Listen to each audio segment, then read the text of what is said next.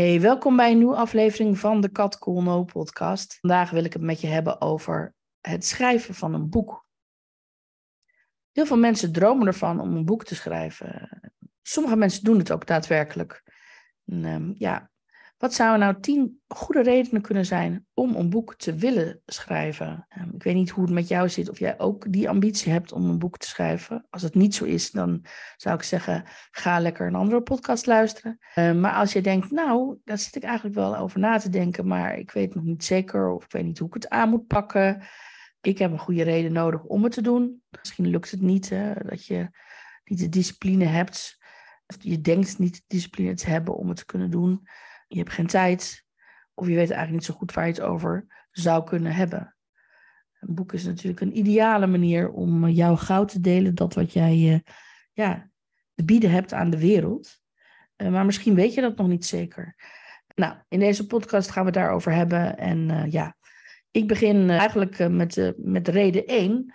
Een boek is een perfecte manier om jouw persoonlijke ervaringen, je kennis en je inzichten met anderen te delen. Ik noem dat je goud.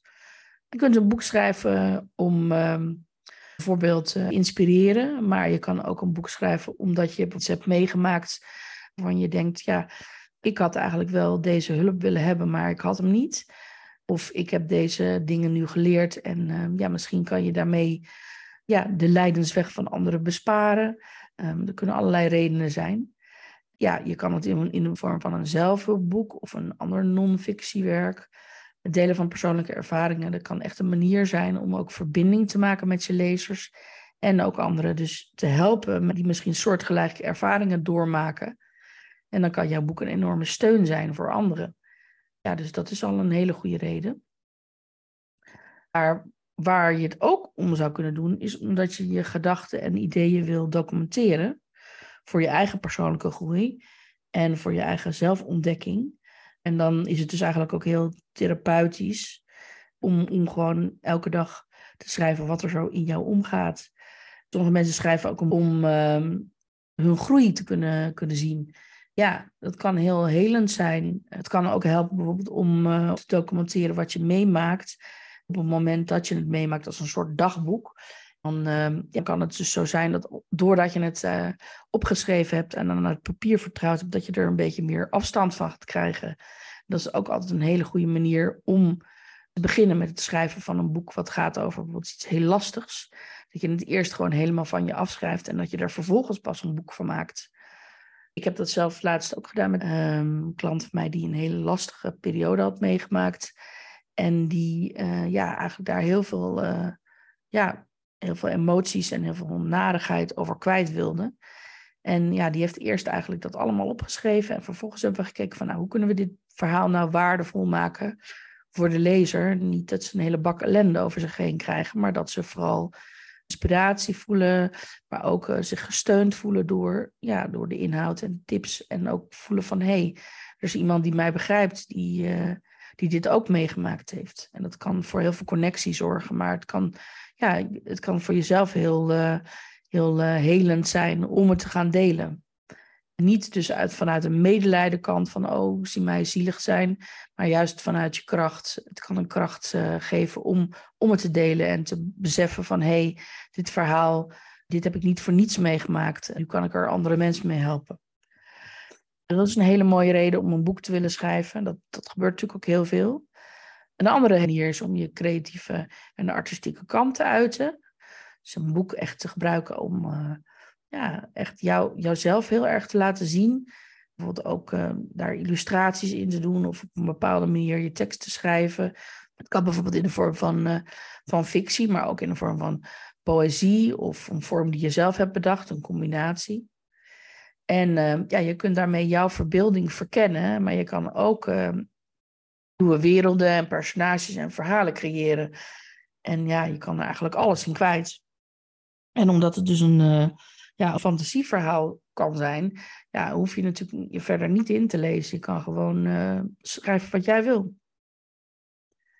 De vierde reden om een boek te schrijven is omdat je een verhaal wil vertellen wat belangrijk is om te delen. Een verhaal waar andere mensen superveel aan kunnen hebben. Een verhaal waar informatie in staat waar, waarvan je gewoon weet van ja, hier wordt niet zoveel over gepraat, bijvoorbeeld een taboe onderwerp. Of een bepaalde boodschap waarvan jij vindt dat meer mensen dat zouden moeten horen. Ja, je kan ook een waar gebeurd verhaal dus vertellen, waar mensen iets van kunnen leren.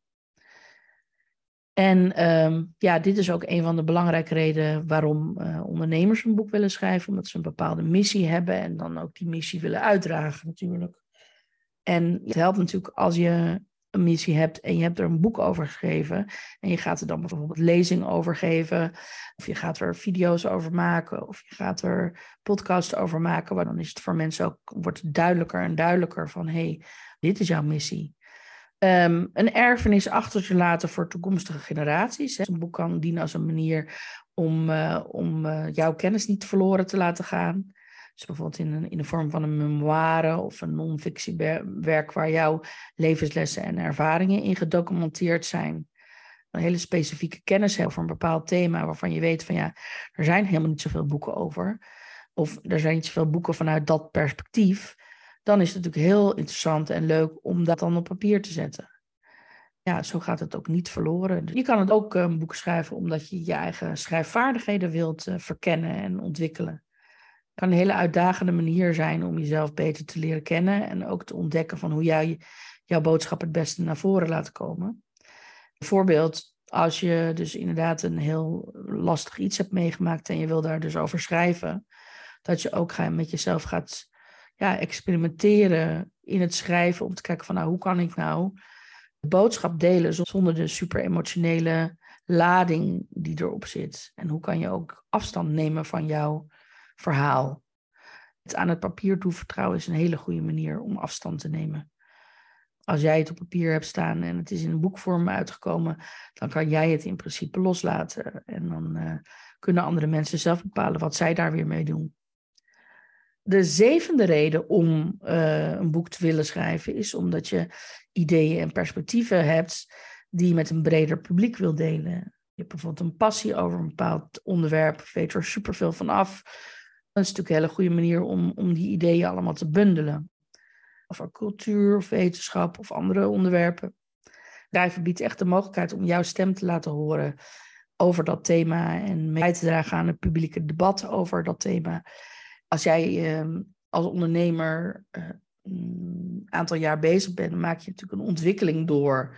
En het is heel erg interessant om die ontwikkeling op een bepaald vakgebied uh, vast te leggen. Kan je ook helpen om, om te zien hoe ver je gekomen bent.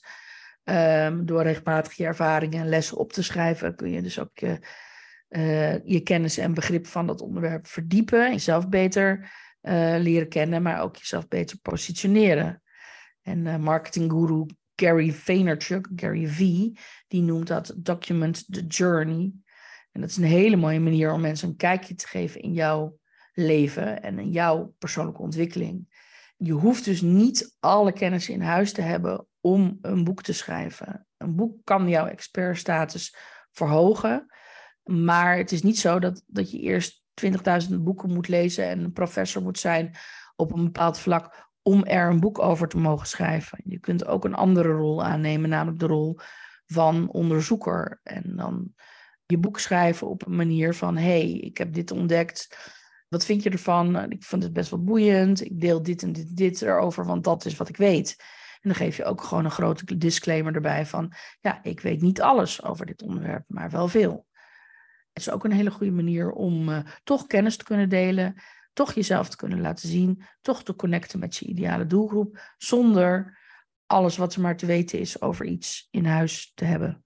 Wat overigens sowieso een illusie is. Maar goed, het kan juist zijn dat je zegt van nou, ik wil mijn expertise en kennis over het specifieke onderwerp delen. En ik weet er wel heel erg veel vanaf.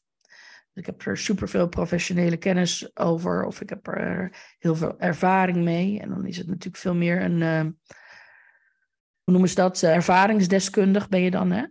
Ja, dat kan ook een hele goede manier zijn om te delen. En kijk, niemand kan daar iets van zeggen van het niveau van jouw ervaring. Um, omdat dat jouw ervaring is. En dat is natuurlijk ook een hele fijne rol om aan te nemen. Want ja, het is jouw perspectief op de ervaring die je deelt. En iemand anders kan daar een ander perspectief op hebben. Maar ja, in die zin kunnen ze het niet beter weten dan jij. En dat is wel een voordeel. En dat maakt je ook zekerder als je dan een boek schrijft. Als je al heel veel verstand van iets hebt, dan kun je natuurlijk ook gewoon dat ownen en zeggen van hey, ja, ik weet hier alles van. Ehm, ik ga je leren hoe het moet. Dus je kan bijvoorbeeld uh, tutorials of instructies geven, of je kan uh, meer wetenschappelijke boek schrijven, waarbij je ook uh, gebruik maakt van ja, bepaalde theorieën en je, om, om, om jouw expertise nog meer te laten zien. Je kunt jezelf ook profileren als thought leader in jouw vakgebied. Als je een thought leader bent, dan dat is natuurlijk ook ja, een, een vorm van expert zijn. Ik heb altijd bij thought leader het idee dat is iemand die, ja, is niet per se iemand die de wijsheid in pacht heeft, maar wel positie durft in te nemen, mening durft te hebben en daarvoor staat. Uh, maar ook zo wijs is dat hij weet dat, uh, dat hoe meer je weet, hoe minder je weet eigenlijk. En dat je ook uh, ja, het leiderschap zakt. En, um, en het leiderschap pakken, dat heeft ook met verantwoordelijkheid te maken. Dus dat je ook zorgt dat je kennis up-to-date is. Maar ook dat je ja, een, een, bepaalde rol aanneemt waarbij je laat zien van hé, hey, nou, dit is wat ik erover weet. Ik wil je meenemen, ik wil je inspireren, ik wil je motiveren. Maar ik weet ook dat, uh, ja, dat jij het vanuit een ander perspectief kan zien. En dat uh, um, dit slechts een aanreiking is van uh, ja, wat er over dit te, te denken en te weten valt. Als je jezelf profileert als een thought leader of een expert, dan kan het enorm bijdragen aan je geloofwaardigheid en je autoriteit. En um, uh, dus voor ondernemers dus een hele goede manier om jezelf op de kaart te zetten. Uh, maar je moet dan ook wel het vertrouwen hebben om jezelf een thought leader te durven noemen. Als je net een startende ondernemer bent, is dat misschien niet de meeste fijne positie om vanuit te werken. Omdat op het moment dat iemand um, jouw kennis uh, in twijfel trekt of uh, het beter weet, dat jij dan uh, ja, wankel wordt. Um, ja, zelf vind ik altijd wel, als je een expertrol aanneemt, dat je er ook bij moet zeggen van, hé, hey, um, ja, wat ik erover weet en dit is wat ik erover wil delen. En ja, als jij een, beter weet of het anders weet, uh, it's all good, weet je wel. Dat, dat gevoel van uh, laten we elkaar versterken en niet afkraken of eh, in twijfel trekken.